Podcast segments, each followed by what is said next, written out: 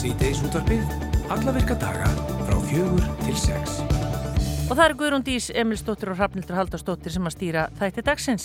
Við ætlum að kynna okkur nýjustu vendingar í bankasandi klöppmálunu en aðal með fyrir málsins hefur haldið áfram í dag. Ég veistu samnum í, í Gullhamrum í, í Gravarólti. Eh, Saksóknar í krafst þess að maðurinn sem að grunar um að hafa stungið þrjáinn og skemmt þar um bankasandi klöpp verið dæmtur í minst 8 ára fanginsvist. Eh, Haugur Hólm fréttamaður, hann ætlar að koma til okkur eftir og, og segja okkur frá gangi mála. Gjaldskildu tími í bílastæði miðsvæs í Reykjavík lengdist í gær e, 1. oktober og nú þarf að borga meira á ákveðnum stöðum og í fyrsta sinn þarf að greiða í stæði á sunnudögum og til klukka nýju á kvöldin. Vestluna eigundur Kjötborgar í Vesturbæri Reykjavíkur eru afar ósóttir við þessa breytingar og við ætlum að heyra í öðrum Vestlunar eigundunum honum Gunnari Jónssoni hér á eftir. Í dag uh, kom inn á streymisveituna Storytel fyrst í þáttur af heimildaháttaröðu sem að byrja yfirskriftina Réttarmorð og þar fjallar Sigursteinn uh, Másson ítarlega um Guðmundar og Geirfinnsmálið í sex þáttum sem að verða síðan byrtir vikulega á Storytel og Sigursteinn ætlar að koma til okkar og segja okkur betur frá þessu.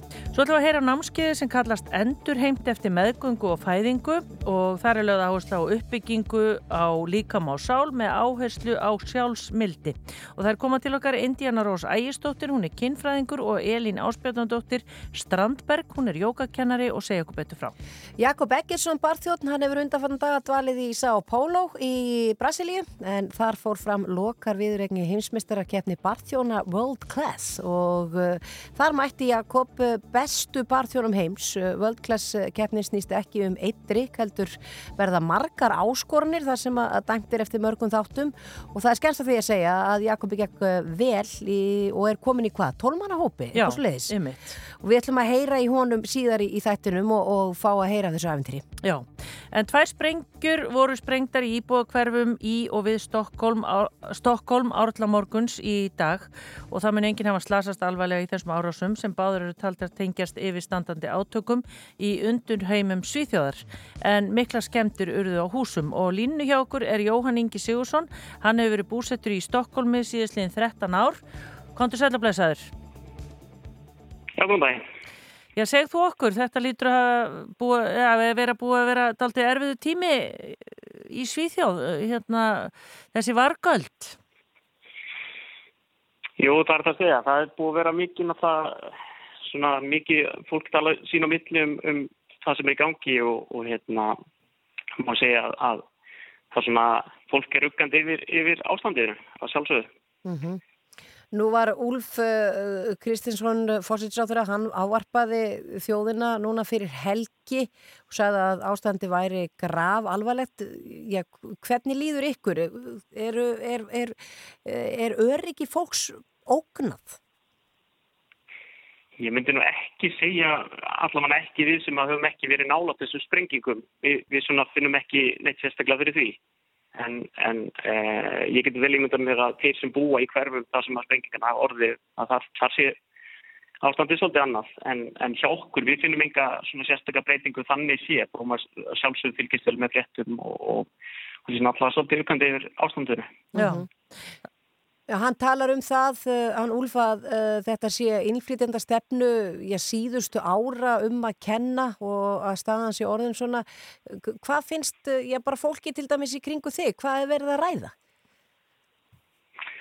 Ég held að það sé náttúrulega alltaf svona umræðan leita stundu þangað en, en ég held að það sé kannski svona, svona floknara, floknar mál. Það er, það er náttúrulega mikil fátækt innflytjanda hverfum sem að hérna, verður til þess að að, hérna, að það verður vænlegt fyrir unga krakka að leðast út í einhverjum sem er glæpa starfsemi og hérna en svona almennt séð þá held ég að það sé kannski svona, þetta sé margir dættir en, en það sé klálega einn af faktornum sem er á bakvið þetta.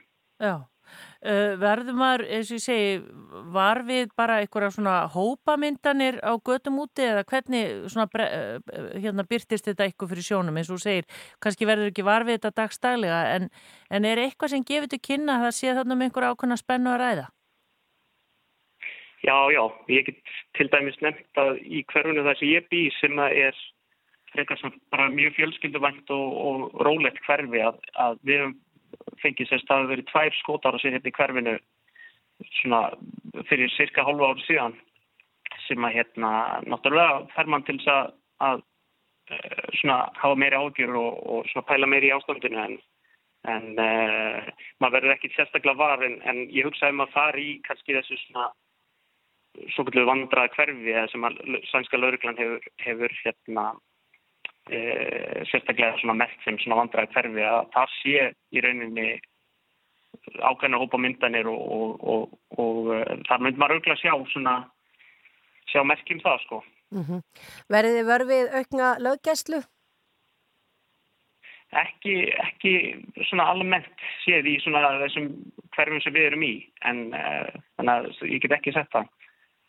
Nei, en hvernig ætli menn sjáu fyrir sér að verði hægt einhvern veginn að, að slökka þessa elda? Þetta er náttúrulega bara meiri hátt að mál.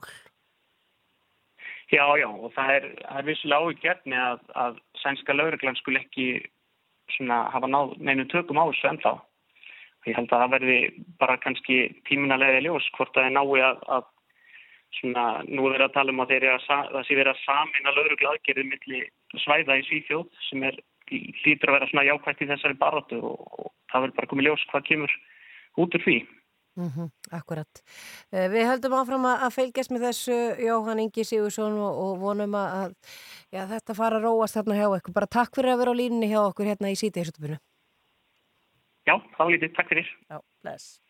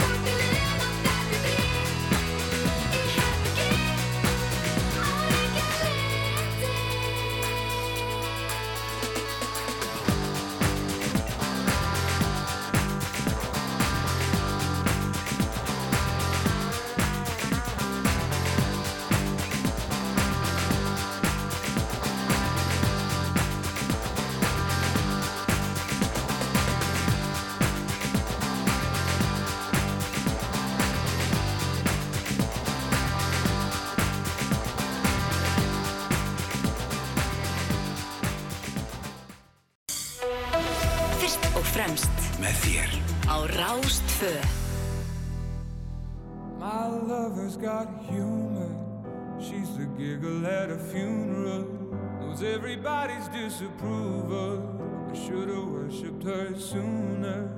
If the heavens ever did speak, she's the last true mouthpiece. Every Sunday's getting more bleak. A fresh poison each week. We were born sick, you heard them say it. My church offers no absolutes. She tells me worship in the bedroom. The only heaven I'll be sent to is when I'm alone. I was born sick, but I love it. Command me to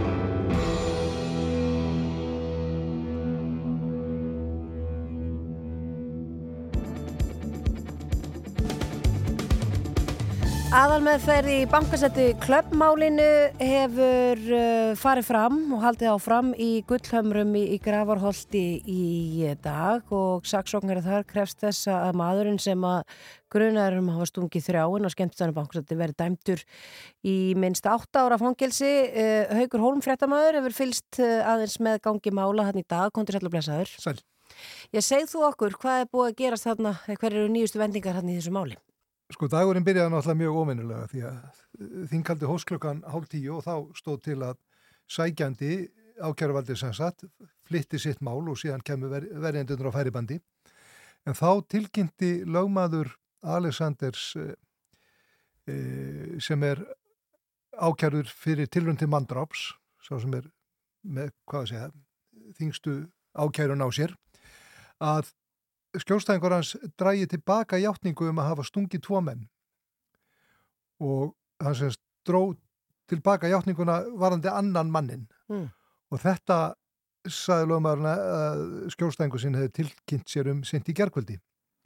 Dómarinn var mjög ásá, ásáttur við að, að þetta væri með þessum hætti, að hafa ekki vitað þetta fyrr og talað mikla óverðingu við réttin og sem og aðra, aðra málflýtjandur þarna og úr var heilmikið reykjastefna og ítrekka gert klíja þannig að það var svona eh, ætlaði ekki verið svona vel á annan tíma sem að tafðist þingaldi í morgun út af þessu.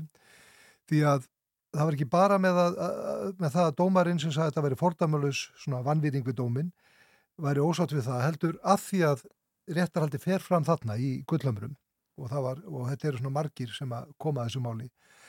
Þá var búið að setja upp eins og framöfu komið mikinn búnað, fullt af mikrofónum, myndavélum og, alls konar búnaði sá búnaður var allur tekið niður um helgina því staðurum var bara að sinna sínu vennilega hlutverki um helgina þar var, bara veslaði veslur þannig að í morgun þá var bara hljóðnemi á dómarunum og svo í segja, ræðustólnum sem að lögmenninir myndu flytja mál sitt úr.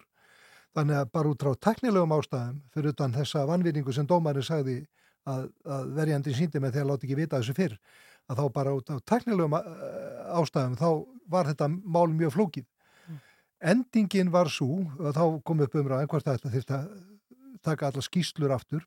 Niðurstaðan var svo að það var tekin örstuðt skýsla af þessum sagborningi, Alexander Mána, og hann fór þá bara í, í hvað segja, púltið þar sem að lögmenninni síðan, síðan fluttumálið og lauruglumað með búkmyndavél fengið til að standa við hliðina á hann til að taka, upp, upp mynd af hann líka þegar hann breytti skýslu sinni. Og þar sagðist hann hafa verið að horfa á upptökurnar af árásinni og hann myndi ekkit eftir, lítið sem ekkit eftir þessu kvöldi. Svo þegar hann horfið meira á þetta þá kemist hann að, að þeirri niðurstöðu að hann gæti ekki hafa stungið fleiri en einn.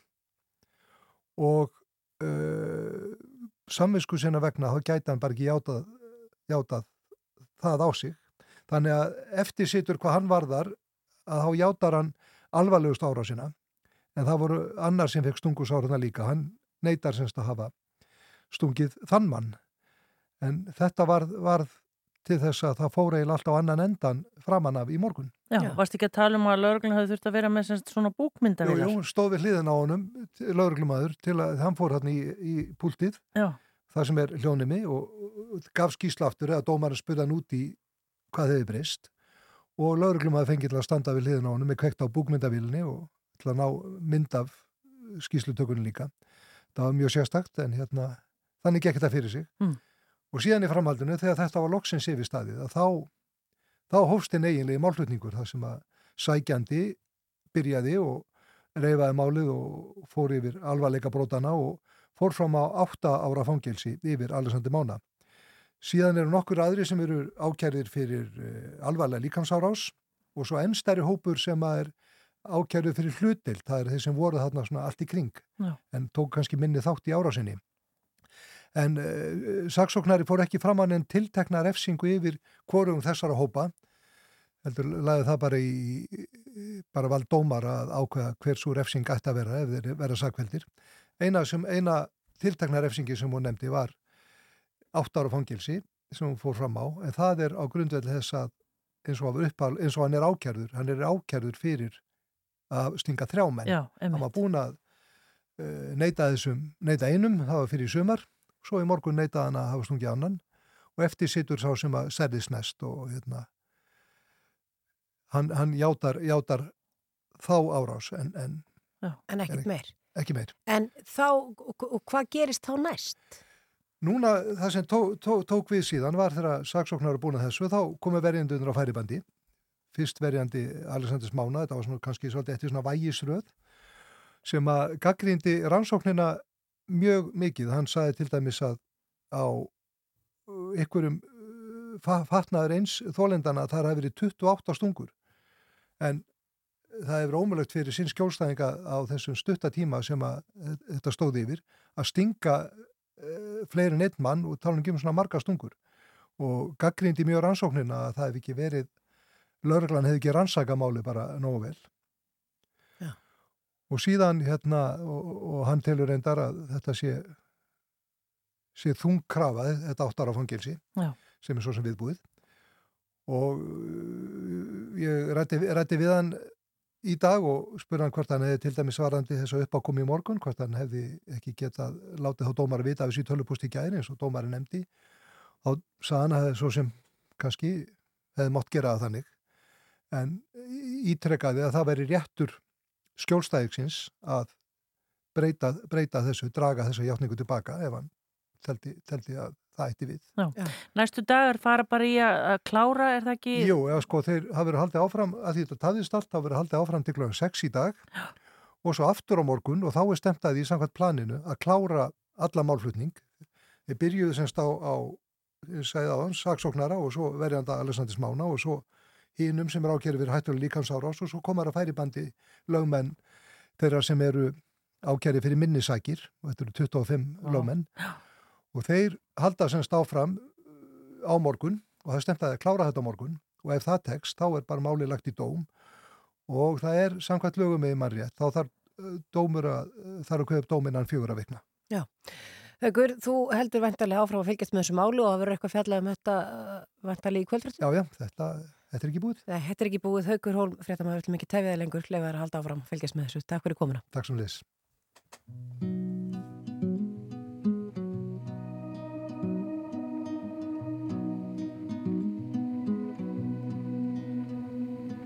waiting for a moment that never came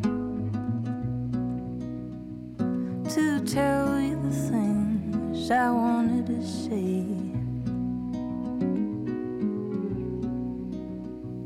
Oh, but words always come to me afterwards. When nobody cares, but I still feel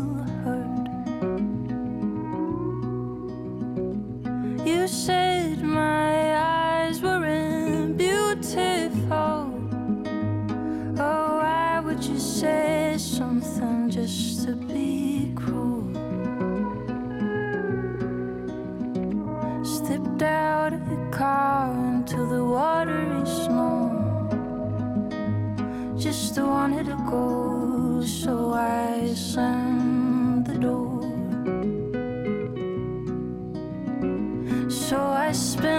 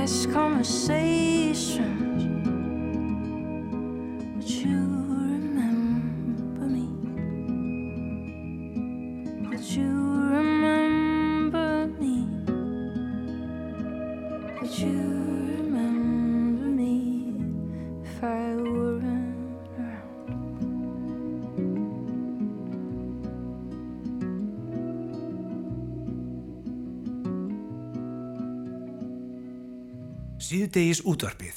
Ekki slæmur félagskapur það. Frá fjögur til sex á Rás 2. Veðurhorfur næsta sólaringin.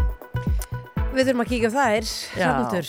indislegt veður búið að vera núna undanfattan daga. Já, búið að vera búið mild og gott og maður fagnar því þegar maður sé rauða tölur á þessum árstíma. Já, einmitt. Uh, vonandi hefnist okkur ekki fyrir. Nei, að maður tala um eitthvað gott og þá fáum maður þetta bara tvöfald í bakið. Nei, nei, nei, nei. Þetta, er, þetta er bara ljúft og gott. Uh, Það er norðaustar 8-15 en kvassara í vindstrengjum við fjöll á vestanverðurlandinu. Rigning uh, norðan og austalands en bjartað mestu sunnan heiða og hiti fjögur til 14 stig og það er mildast siðst. Uh, Svo er það norðan og norðaustan 5-13 á morgun. Víða rigning um landi norðanvert og snjó koma til fjalla. Jæja, það kom í fyrsta skipti núna. Já, en stöku skúrir sunnalands og kólna lítilega. Kom ekki einhver eitthvað á fjallvegum um daginn? Uh, einhver smá snjókomi. Jú, Já, jú, jú, jú, það kom. allavega frost. Ég Já. hef lítið verið á fjallvegum Já, ég líka. undarfærið. En það er uh, aðtóðasemt hérna, það er kvassi vinstrengir uh, við fjölla og vestamörulandin í dag staðbundið geta myndast vara saman aðstöða fyrir þau aukundaki sem eru viðkvæmust fyrir vindi og það er alveg þannig að fólk er ennþað núti á húsbílunum sínum og, og jafnvel með einhver hísi í eftir dregi Mhm. þó að ég held að sé nú svona ætlast til þess að fólk sé kannski ekki endilega á húsbílum langt fram eftir vetri Einmitt. svona upp á öryggi Já, einmitt. En við hvertum ekki við þessu. Við hérna hljótum að fagna þessu. Ég sá einmitt einhverja fæslu frá hann í Kristínu Parísadæminu sem við stundur hringt í. mm Skrifaði fæslu í morgun og segja ég ætti nú undir venlegum kringstum að fagna veðrinu í París þessa dagana. 29 gráður annan oktober Já, en uh, það fyrir eitthvað annað um hugan þegar það er svona heitt á þessum tíma. já, það er eitthvað, eitthvað rámt við það Það er eitthvað pínur átt við það. En uh, við ætlum að hlusta á Harry Styles og svo setjast þær hjá okkur Indiana uh, Rós Ægisdóttir kynfræðingur og Elín Áspjöldandóttir Strandberg, hún er jógakennari og við ætlum að ræða um námskeið sem þær að halda og kallast endurheimt eftir meðgöngu og fæðingu.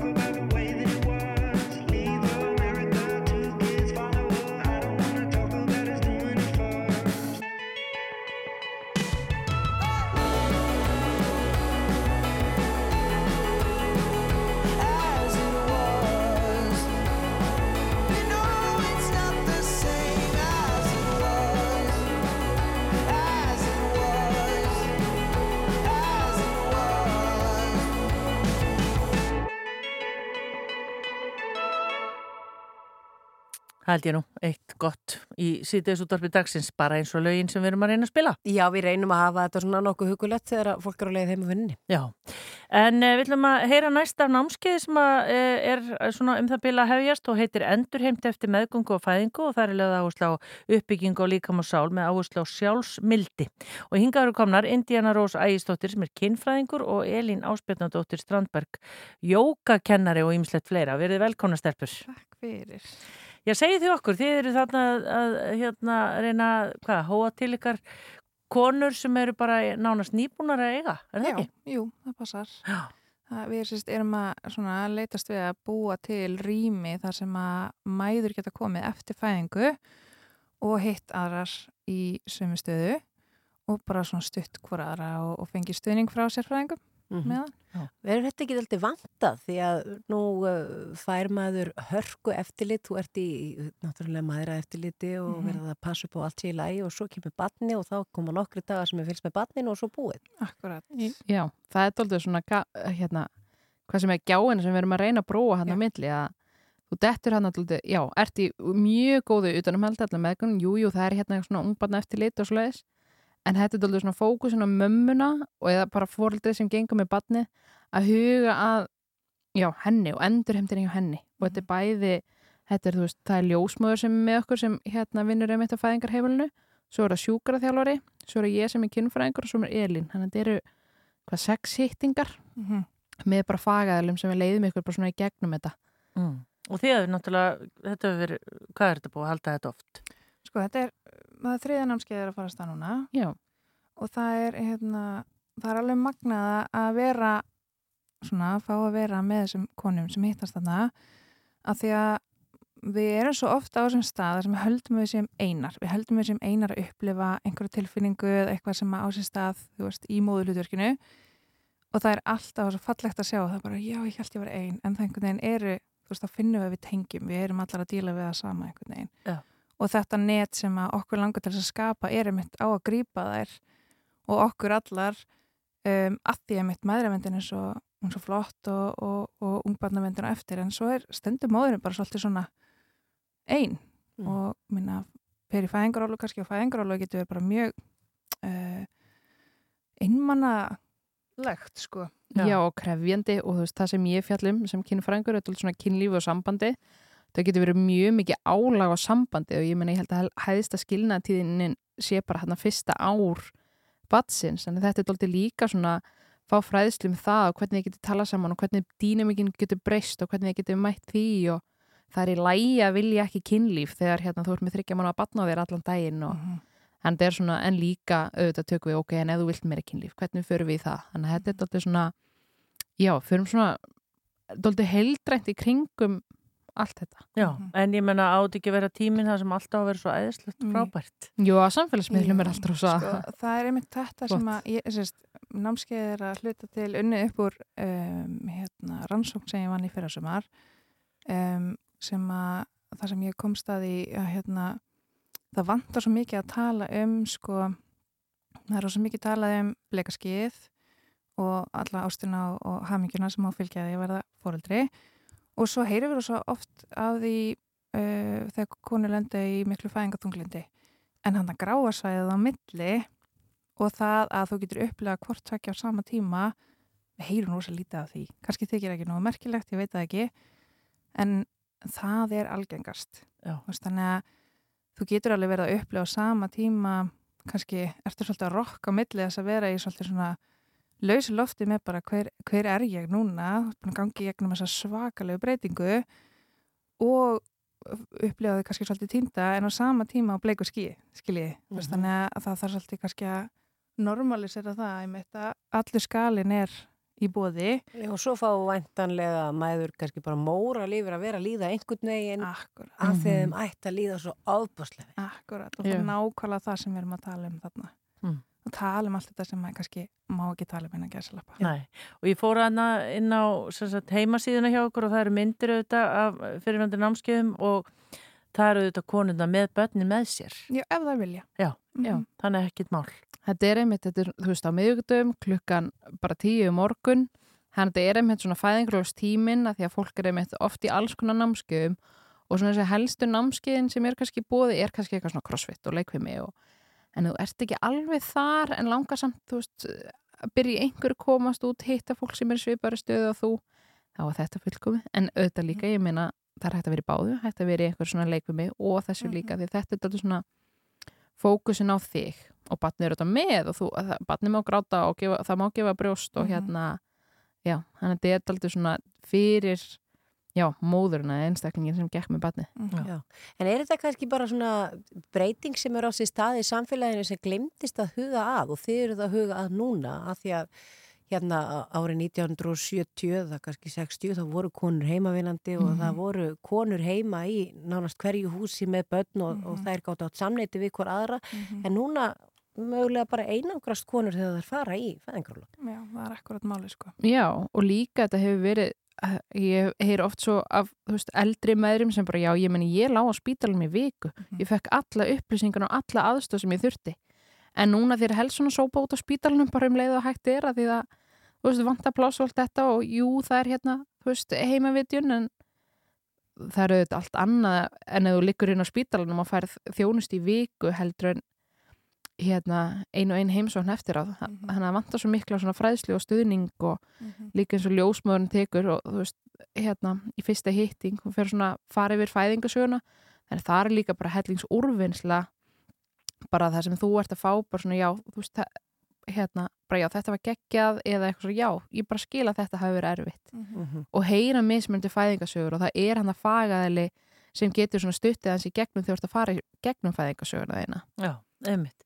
Hvað hérna, næsta námski hefst núna 4. oktober Já. og Já. hvað erum við að tala um, hvað eiga börnin að vera gömul eða hvað, er eitthvað svona viðmið eða? Sko, við miðum við eldri en sex vikna Mhm. og það er aldrei svona því að sjúkaraþjálfur er með eitt tíma hérna fyrir að þessu gegnum svona æfingar og það er bara svona, já, ákveði viðmið sem við viðmið, en ég meina að batnaði fimm vikna, heyrðu bara í ykkur Já. og þú ert bara tilbúin í að hoppa út og restur hún hress Mhm. Og En, bara, veist, að, að við erum að miða við bara þennan fæðingarólofs tíma, Já. Og eru allar upplýsingar inn á fæðingarheimili heimasíðinu? Já, og námskeið heitir Endurheimt, þannig að það er þetta að finna að undir því. Já, Já. frábært. Bara gangi ykkur vel og takk fyrir kominu að hinga á Rás 2, Indiana Rós Ægisdóttir og Elín Áspjarnadóttir Strandberg. Takk fyrir kominu. Takk fyrir.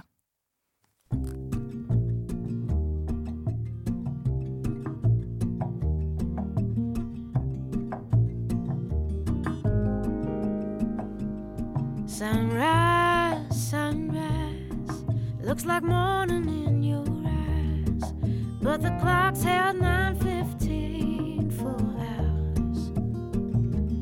Sunrise, sunrise, couldn't tempt us if it tried, 'cause the afternoon's already come and gone. And I said, Ooh.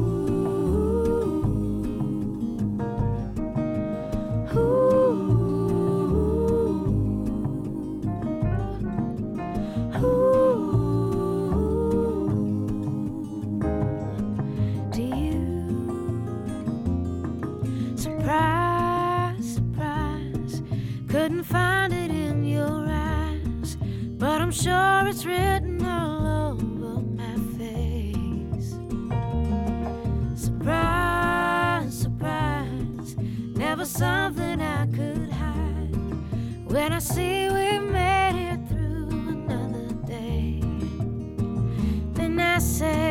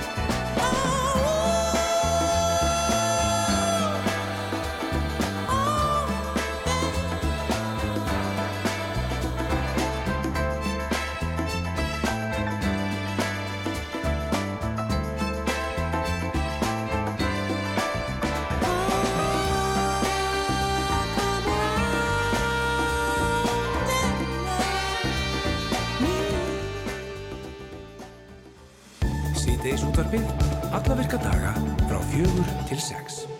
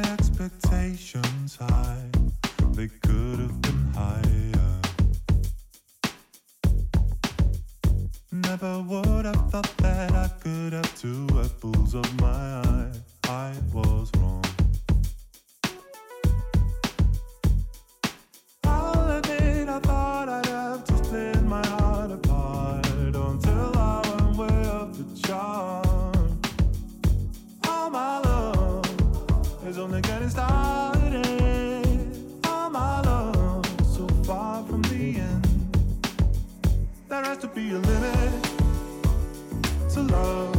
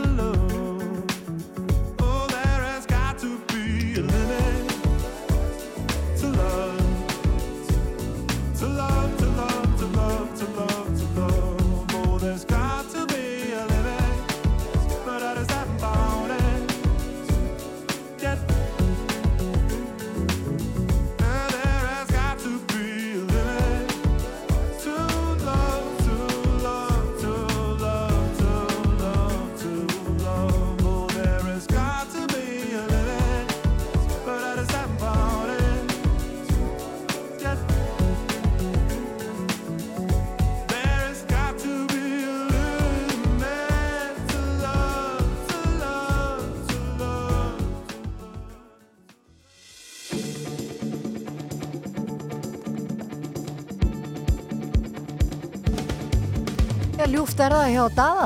Alveg, dásanlegt alveg. Hvað heitir þetta lag? Það heitir uh, Limit to Love. Já, þetta er uh, gaman að því hann er oft dálítið dans, svona taktfesta danstónlist. Algjörlega. En samt svona bara gleði tónlist. En gaman að heyra hann svona rólegan og aukuleg. Já. Hér á eftir uh, sérsta hjá okkur hann Sigursteinn Másson sem að var að gera nýja seríu um uh, Guðmundur og Gerfinnsmálið og hún, uh, já, var eiginlega svona frum, frumflutt á Storytel í dag, fyrsti þáttur og kemur svo vikulega, þetta eru samtal sex þættir og þarna er vist einhverju svona nýjir Uh, nýjar upplýsingar að koma fram og Sigursteinn alltaf svona aðeins að reyfa það hérna við okkur eftir. Við ætlum að líka að heyri manni sem að var að keppa á heimsmestramóti barþjóna.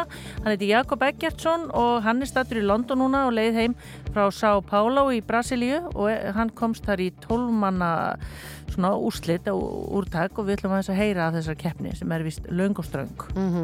Svo ætlum við að heyra í Veslunareiganda hér á eftir. Í gær þá var verið að breyta gjaldskildu tíma miðsvæðis í Reykjavík og það þarf að borga til nýja á kvöldin og það er verið að gera þetta eitthvað dýrara og Veslunareigandur kjötborgar eru afar ósáttir og við ætlum að að taka hann Gunnar annan eigandan tali hérna á. Einmitt það. Leifum að tilkynningum og fréttum.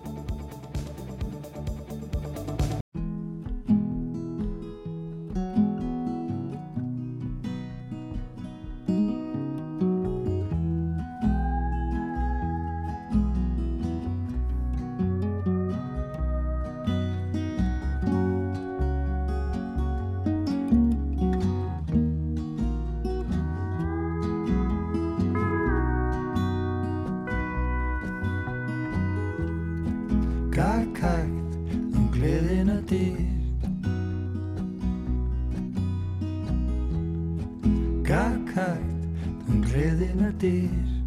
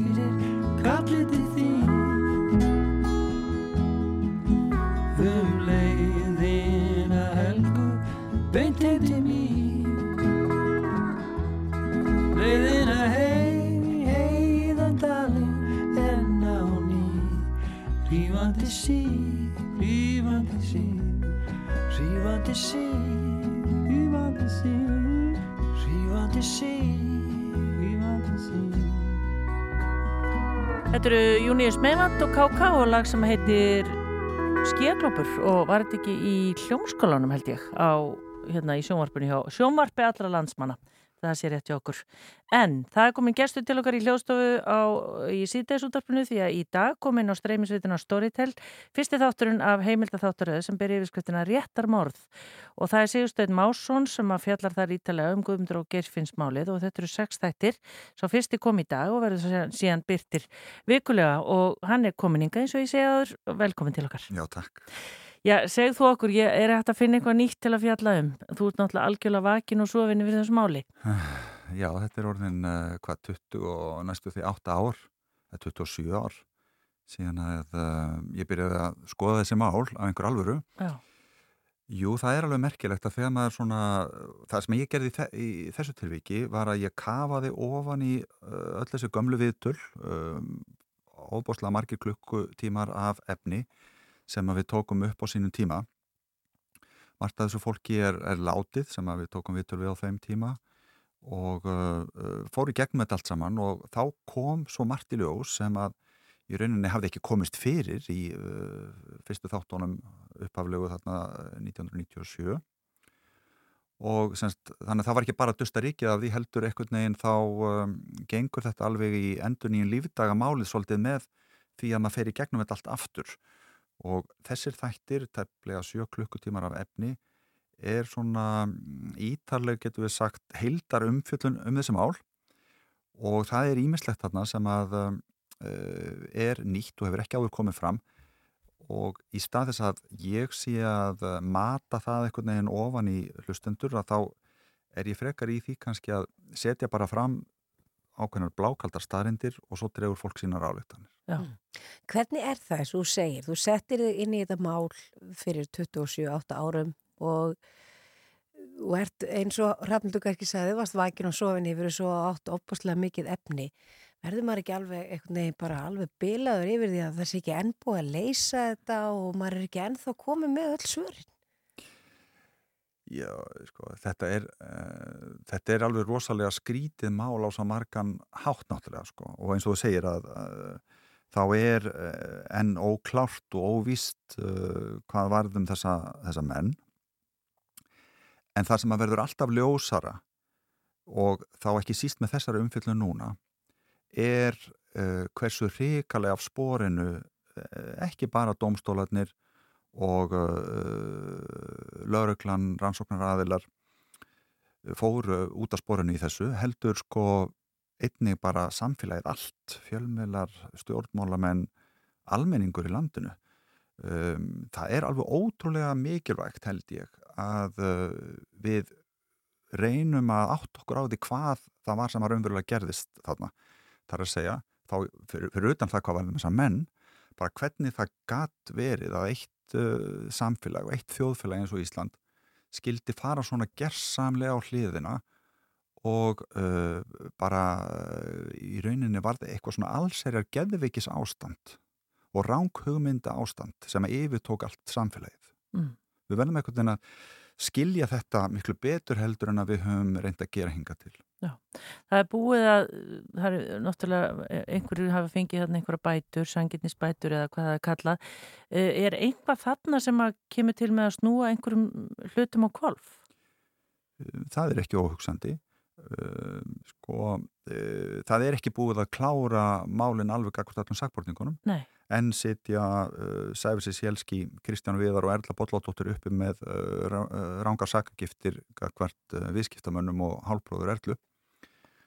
Og í þessum þáttum núna að þá held ég að það geti enginn sem að hlustar á þetta velst í nokkrum vafum það lengur að uh, það varð ekki til í kollinum á þessum þremenningum að uh, benda á klúpsmenn og hálfbróður erlu. Það, það uh, gerðist með öðrum hætti og uh, ég ætla ekki að kannski segja ómikið hér en, uh, en það eru bara mjög skýra staðreindir, uh, borðlegjandi staðreindir og hægt að rekja það aftur til ásins 1972 eða þar að segja rúmum tveimur árum áður en mennirnir hverfa um, að búið er að ákveða að uh, ná klúpsmönnum uh, það er allt gert til þess að reyna að koma eins og það var kallað lögum yfir þá sama hvað það myndi kosta.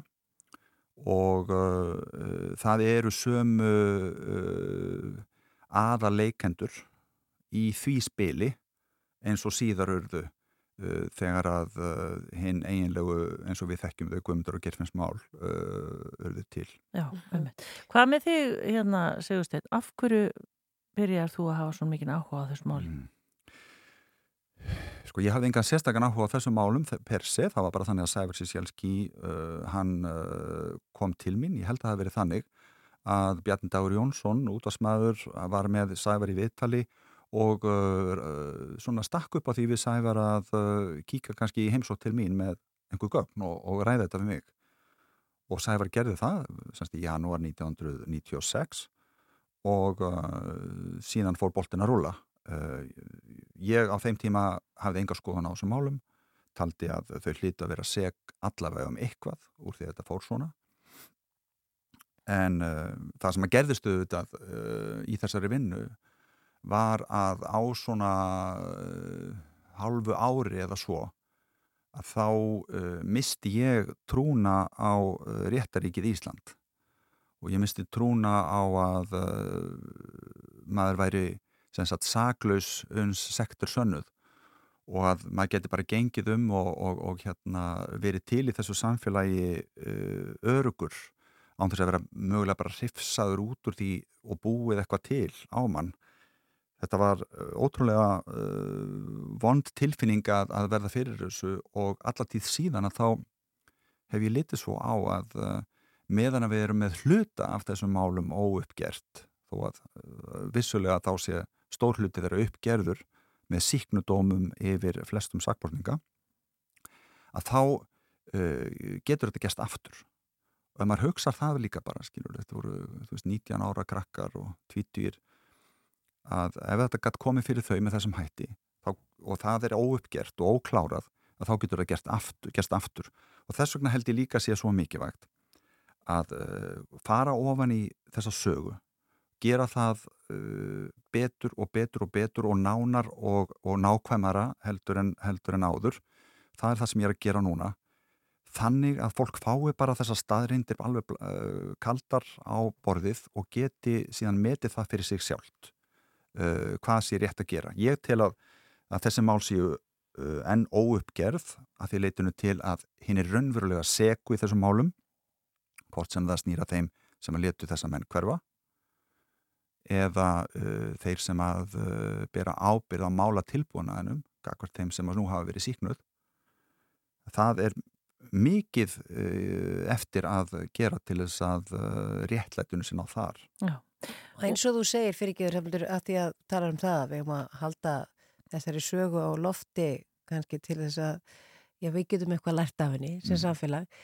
Varandi þess að þætti fyr, að því að nú við öll sem hér sitjum inni höfum náttúrulega heyrt talað um Guðmundur og Gerfismáli bara frá fæðingu uh, er, ferðu í, í samt svona grunninn þannig að einhver 16, 17, 20 einstaklingur sem bara allar að fara að hans svona kemst inn í málið eða er þetta bara eitthvað, er þetta framhald? Þetta er mjög góð spurning og þetta held ég skipti gríðarlega miklu máli. Við erum auðvitað með kynnslóð hér sem að eh, veit ekkert um þessi mál og hefur, uh, jú, kannski heilt minnst á þau en þekkir ekki uh, söguna, þekkir ekki þessi, þessi mál. Uh, ég set upp þessa þætti þannig að fyrir þann sem að ekkert þekkir uh, þá eiga þeir að vera eða má, eiga málin að, að útskýrast held ég bísna vel fyrir þeim en uh, sömuleiðis þá á þarna vera mjög margt fyrir þá sem að telja sig uh, vita mikið um málinn og það er nú yfirleitt hannig eins og núna, ég verð, var við núna þessa sólarhingana þegar að uh, fólk er ljóst að þessi þættir eru, eru að koma út að þá er mikið haft samband við mig. Og uh, auðvitað er gott er að fólk hefur samband þegar það hefur eitthvað raunverulega vittnesku og uh, eitthvað sem að uh, getur bætt einhverju við málinn en langt flestir eru með þá hugmynd að þeir þekki mjög vel til þessara mála en þekki rauninni afskaplega lítið og það er ennþá alls konar samsæriskenningar ennþá alls konar eitthvað hugmyndir og fólk er að dreyma eitthvað og það er einhver miðill hér og einhver sjáandi þar þannig að það er alls konar vittlisa í kringum þessi mál sem að hefur engjönd þau alveg frá byrjun Já, en bara af því við höfum ekki náða að hlusta, við höfum bara að byrja hérna í kvöld, en hvernig byggir þetta upp? Lest þú, er þú, er þú eina röttin eða hvernig er þetta gert? Uh, ég er með náttúrulega fjöldavittala Já. í þessum þáttum ég, uh, En þú ert semst sögumæðurinn? já, Já. ég er svona einhvern veginn sitt uppi með það Já, við myndum ekki vilja hafa það neitt Nei, nei. já, já, er, ég, ég, semst, já, ég er ég er svona þulur og handrið sömundur í Já. þessu Og þetta er í línulegri dagskráð því leiti til að það kemur einn þáttur í viku. Já, þetta er svoleiðis og það er, mér er svolítið áhugavert að það er aðeins að koma aftur meira og maður verður varfið það líka á streymisveitunum svona. Ég er nefnilega að saknaði þess einhvern veginn að þegar þetta var svo að demt á mann eh, einhverjum kannski 6, 8, 10 þáttum og maður var allt innu bara einhvern veginn að vansvefta og hættur að taka eftir þætti 3 og 4 og 5 eitthvað og sopnaður yfir þessu. Minnst þetta miklu betra svona. Já. Gekja, bara til hamingi með þetta, þetta er semst á Storytel fyrir áhuga sama réttarmorð, ný og æsispennandi hljóðserja hjá Storytel. Takk fyrir komin í sítið. Kæra þakkir.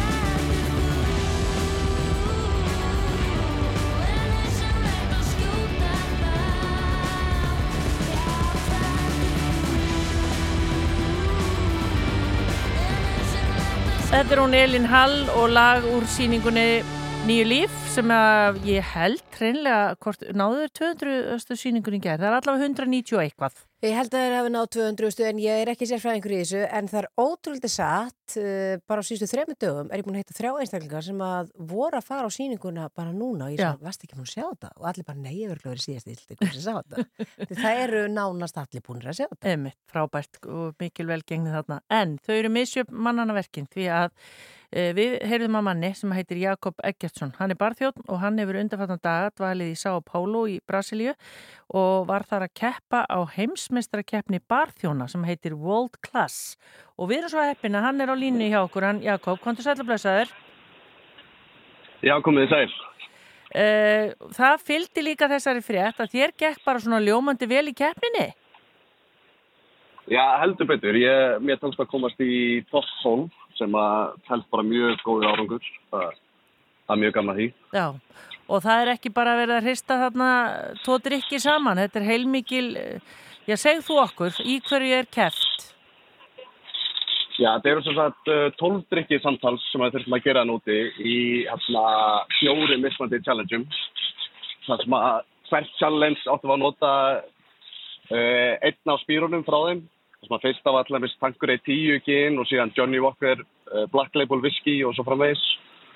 Uh, og þannig að ég ætla í fyrsta challenge áttum við að gera tvo drikki og þar var hérna uh, mest áhersla lagt á hérna, þú ætlar að koma með þína eigin drikkjar hefð og einnig áttur líka sína hversu rauninu góða þjónustu getur þú bóðið upp á, eða hversu gott hospitality getur þú bóðið upp á. Mm. Og hérna, og síðan eru öll, öll challenge-in hverju sig, já, ólík og, já, miserfið og, og og það er, þetta er ósláð skemmtileg kefni. Já. en þú nefnir hérna, það er einhverju svakalegi smellir í símanuðinum, ég veit nú ekki hvað þetta er, en, en allavega, uh, þú nefnir hérna þessar sterku Já, ég- drikki, hæ? Ég er, er á flugverðinum á Hítróa fyrir núna, ekki fínu vettið það. Já, og núna einhvern veginn rofnar sambandi, við vonum nú samt að við höldum í þig, en segðu okkur sko, þú er búin að nefna þessa sterku drikki, átt þú svo að búa til Já. framandi koktel úr því eða hvað? Já, það er rétt. Það er svona að ég að búa til mína eigin drikki fyrir þetta og allir þessi drikkir eiga að hérna, passa inn í rauninni hérna, uh, konseptið eða svona lýsingunni á, á hverri, hverri áskorun. Uh, til dæmis hérna, ef við nefnum fyrsta challenge þá er hérna að gera tvo drikki, einn á að vera svona passa mjög vel sem fordrykkur og síðan á setni drikkurinn að tengjast ykkur í drikja hefð sko. Og hérna síðan í öðru challenge það sem áttum við að gera hérna sex drikki á sex mínúndum með Johnny Walker viskíinu þá var rauninni hver drikkur að, að hérna íta undir einn af sex aðal bræðprófílum Johnny Walker viskísins og á sama tíma uh, svona vera fullkomin í eitthvað ákveðin ákveðið tilefni. Já, Þannig Þetta, að- þetta er heilmikil greinilega list á bakvið þetta. Og hvernig fær maður já þá flugu höfuð og hugsa hvernig er maður bara komin á þann stað þar sem maður hugsa, heyrðu, ég á heima í þessari keppni? Sko, það er rauninu bara ekkert fyrir en að hérna, F-flokksins komin út, sko, af því að fyrst og fremst ástæðan fyrir að flesti barþjóna taka þátt í þessu keppni er til þess að íta sér áfram og læra eitthvað nýtt og íta sér áfram til að læra nýja tæknir og vinna með ný hláefni og allt svoleiði, sko, og síðan bara vill svo til að, að eitthvað þarf að vinna þetta og í ár var ég fyrir Ísland og síðan hérna Emaraspínu bara mættir út og maður þarf að gera drikki fyrir framann frægustu og flottustu barþjóna heims sko. Það, Mm. já, En, en sko Jakob, maður sér oft fyrir sér sko svona barþjóna sérstaklega í bíómyndum að því við Gunnar fyrir náttúrulega aldrei á barinn sko, þá eru þeir að sveifla þessu einhvern veginn upp í loftið og þetta eru, svona, þetta eru líka svona sjónkverfingar. Ert þú eitthvað í því? Nei, ég er sko, ég er ekki mikið í þessu, það sem er kallast flair, sem er þetta að kasta flöskum og allt svoleiðis. Er raunin það sem að ég er mest í er það sem að líkist kannski frekar kokka aðferðum sko, bara hvernig á að meðhandla hráefni og, og gera sem best brauð í drikkina sína sko og hvernig er þetta að koma með nýjungar eða vera inspiraðar af nýjum aðferðum sem að sér annars þær í heiminum og maður koma með það til Ísland sko og það hérna Þannig ég er ekki mikið að sveifla flöskunum, ég er miklu meira að pæli því hvernig drikkurinn smakkast og hversu nýtt og framandi drikkurinn er, sko. Já, þannig að þú ert ekkert að sínast. Nei, nei, ég, sko, mér liður best bara eins og, eins og kokkunum, sko, vera svolítið bara, hérna, bak við tjöldin og leifa, leifa, hérna, gestunum að njóta drikjarinn, sko, og svoleiði, sko. Já. Náður eitthvað að njóta þess að vera í Sao Paulo í, í Brasilíu? Það eru upp í, mi- því miður sá ég ekki mikið meira en, hérna, en innan á hótelherbyggsin, sko, milli, milli challengea. En vissulega fórum við í hérna, eina góða skoðanaferð saman þar sem við vorum að skoða hérna götulistaverk í Sao Paulo sem er uh, rosalega mikið turista attraction þar Já. og er var vægarsagt rosalega fallegt og, og merkilegt. Já, en hvað gerist núna Jakob? Þú ert komin í tólmanna svona úrslit, það er ekki alveg búið að gefa upp er það nákvæmar tölur eða hver, lendi, eða bara hver eru næstu skref? Sko, við sagt erum búin að keppa í hérna, top 12 sem var sagt, hérna, svona speed challenge. Þannig að það er búið að krýna sigurvegara sem var Kanada í þetta ár. Hérna, eh, Jacob Martin heitir hann. Vantaði bara eitt K til að vera ég, sko, í staðin fyrir Jacob.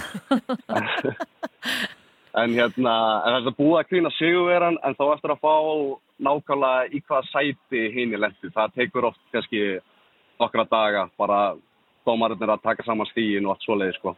Já, en fyrir þá sem að vilja koma og fá drikk hjá þér, hvað er þetta að vinna? Herru, ég er mestmægnis á bingo þessa dagana en, en einnig er hægt að finna um á jungle annars leið. Ég er, ég er eh, meðeigandi í báðum þessum stöðum en hérna, en jú, flesta daga er ég á bingo og það er hægt að fá drikki frá mér. Já, bara til hamingi með þetta Jakob Eggertsson og bara gangið vel og hérna, við erum eftir að fylgjast með þér hérna í síðdeis útafn og góða ferð heim. Já, takk fyrir það. Takk fyrir, já, bless, bless. Ok, bæ. Já, mann dættur í hug, sko, maður sér hérna, er nú ekki bíómyndum aðalega, maður sér allt fljúa einhvern veginn upp í loft og... Þú ert náttúrulega bara að hugsa um Tom Cruise í cocktails. Það, Ég, sem þú það ert að er gera. það sem ég er að hugsa. um. Það er, Það er grunnurinn. eina atriði sem Já, ég hef haft á. En kannski rafnildur að ég ljósi þess að við fyrir aldrei á barinn. Nei. Þá kannski er komin tíma og við verðum að skella okkur og sjá eitthvað aksjón. Já, já, já. Þannig að náðu Tom út úr hausnum á þér. We were good, we were gold. Kind of dream that can't be sold. We were right till we weren't. Built a home and watched it burn. Mm, I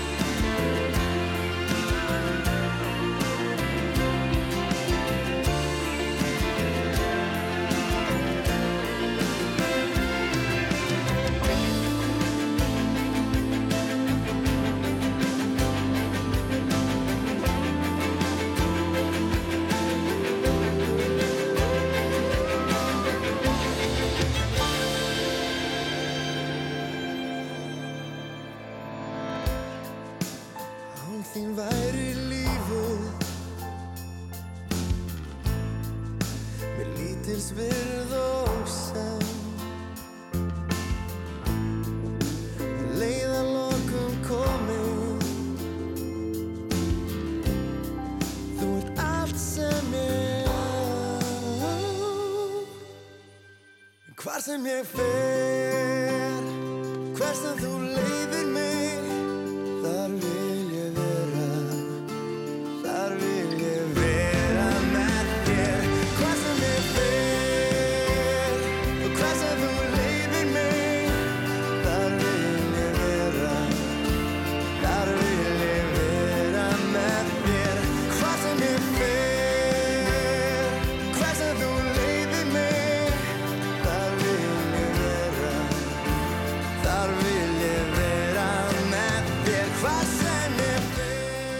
Þetta lag heitir Hvar sem ég fer og það er kannski tengingin í næsta efni hjá okkur. Já, það má svo sem tengja þetta við þetta efni. Gjaldskildu tími í bílastæði miðsvæðis í Reykjavík lengdist í gerð 1. oktober og nú þarf að borga meira á ákveðnu stöðum og uh, þetta er í fyrsta sinn núna sem þarf að fara að borga í stæði á sunnudögum og uh, svo er þarna eitthvað til klukkan 21 á kvöldin líka og vestunareigandur Kjötborgar eru afar ósátti við þessar breytingar og við erum komin meðan Gunnar uh, Jónasson hér á línuna. Kondi sæl og blessaðu Gunnar. Já, komið sælar. Já, við erum nú bara trublaði í vinnunni, þú ert bara... Nei, nei, þetta er bara hluta programmið, sko, að svara því sem maður er lagt fyrir mann. Já, það er nú gott, það er nú gott. Já, við, við erum nú samsagt náttúrulega búin að láta aðeins heyri í okkur í gegnum fólk líka hérna, að, að þetta er svolítið ósangjarnar reglur að því að hérna við eigum húsnæði en að því við eigum ekki lögheimil í veslinunni, að þá er ekki gett ráð fyrir að rekstraræðilega hafi sem sagt kort eins og íbúðarnir. Mm Þannig að mér skilt nú að það sé nú einhver vakning um það hjá borginni að þetta verði nú kannski leiðrétt Já. og dagur er eitthvað búin að tjá sig á Facebook um það að þetta þurfa að leysa þetta. Já, en þegar þið eruð að fara með vörur í verslunina, þá kom fram í Já. viðtali við ykkur að þið þurfið að borga þá í, í, í gjaldmæli. Ja, við borgum bara í stöðumæla hér eins og við værum bara gestir í gödunni sko. Já.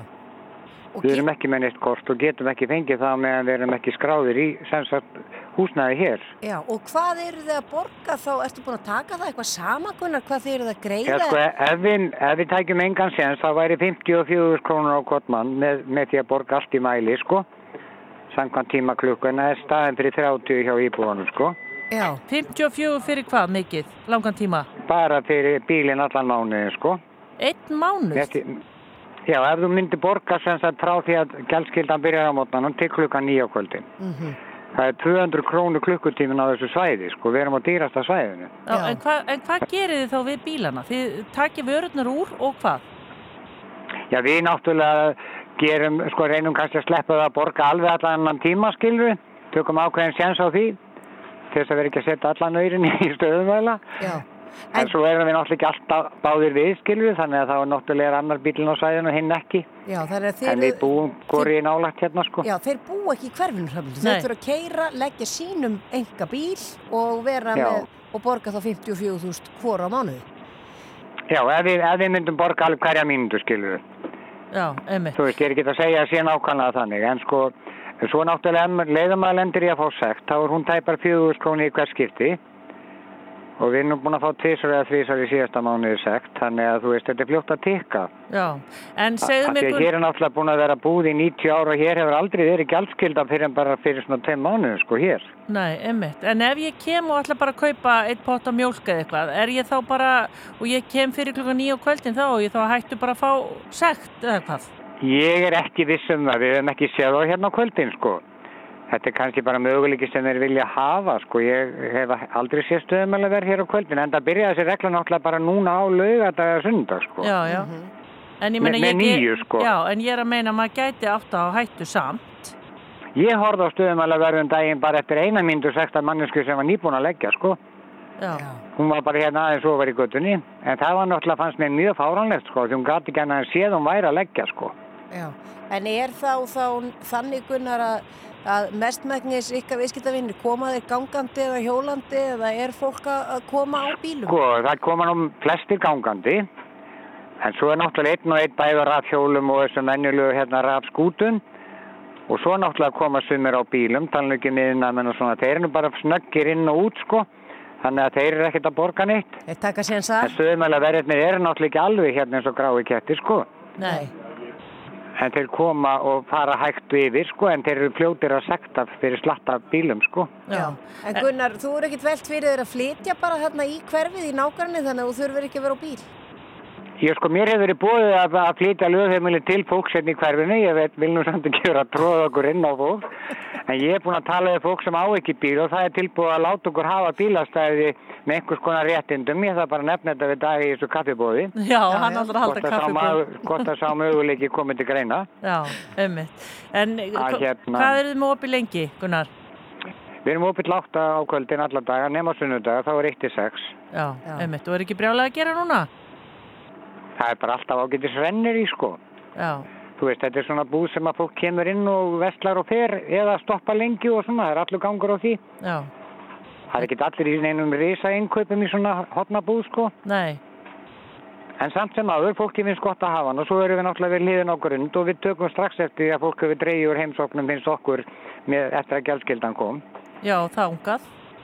Já, því þá það fólk sem er kannski orðið fullorðið sjálft að lappa upp á hotna bara að borga þar í mæli og lappa svona á grund og, og vera vakandi yfir því hvað ætlar að vera lengi í heimsókn og svona sko. Já, Gunnar ætlar að vera dálítið ákveðin í kaffibúðinu með degi. Við verum örgla mjög harðir sko. Já. Anna hvort okkar fer kannski, ég veit ekki hver, hvernig hann bóðar kaffi, kaffifundin sko. Nei, tekur ekki bara með er súkulega á nú, hann búðinni? er nú örglega segjanlegur í samningum, ég held að það sé nú alveg möguleiki. Já, ég er að segja að svo getur þú tekið eitthvað góðgætt úr búðinni og gefið honum. Ég gefa hann allavega reyktan lags. Já, einmitt. Já, eða grafinn sko. Já, já, einmitt. Hún, hún finnst það gott sko. Já. Erum við segjum Vanur bara og gangi ykkur vel, gangi ykkur vel með þetta og við fáum að frétta hvernig þessi fundu gengur og ég vonum að þetta Já, fara allt saman ég, vel. ég býst við því. Þetta er svona margir spennti fyrir svo íbúðarnir hérna í kringur er mjög spennti fyrir að vita hvernig þetta fer. Já, Gunnar, þú verður að leifa okkur að fylgjast með, við ætlum ekki tröflaði lengur, ég veit þú ert að fara að sækja vörur, það er brjálað að gera Ok. okay. í búðinni, þannig að bara takk, Ok, fyrir, að, takk fyrir að vera á línunni hjá takk fyrir- okkur. Já, og takk fyrir ykkur sjálfar. Takk fyrir, bless, Það Bless, bless. Já, hann var svona gladur, hann mun ekki verða neitt rosa reyður á þessum fundi. Hann er lausna með hann Gunnar. Ég, Ég- heyri það nú bara. Það sé nú sangjart maður, hann, hann hljómar allavega sem slíkur sangjart og, og, og, og skinsamur þannig að, en við viljum hafa kaupmannin á hotninu. Ó, þetta er bara, þetta er ótrúlega góð þjónusta hana. Þetta er dásanlegt.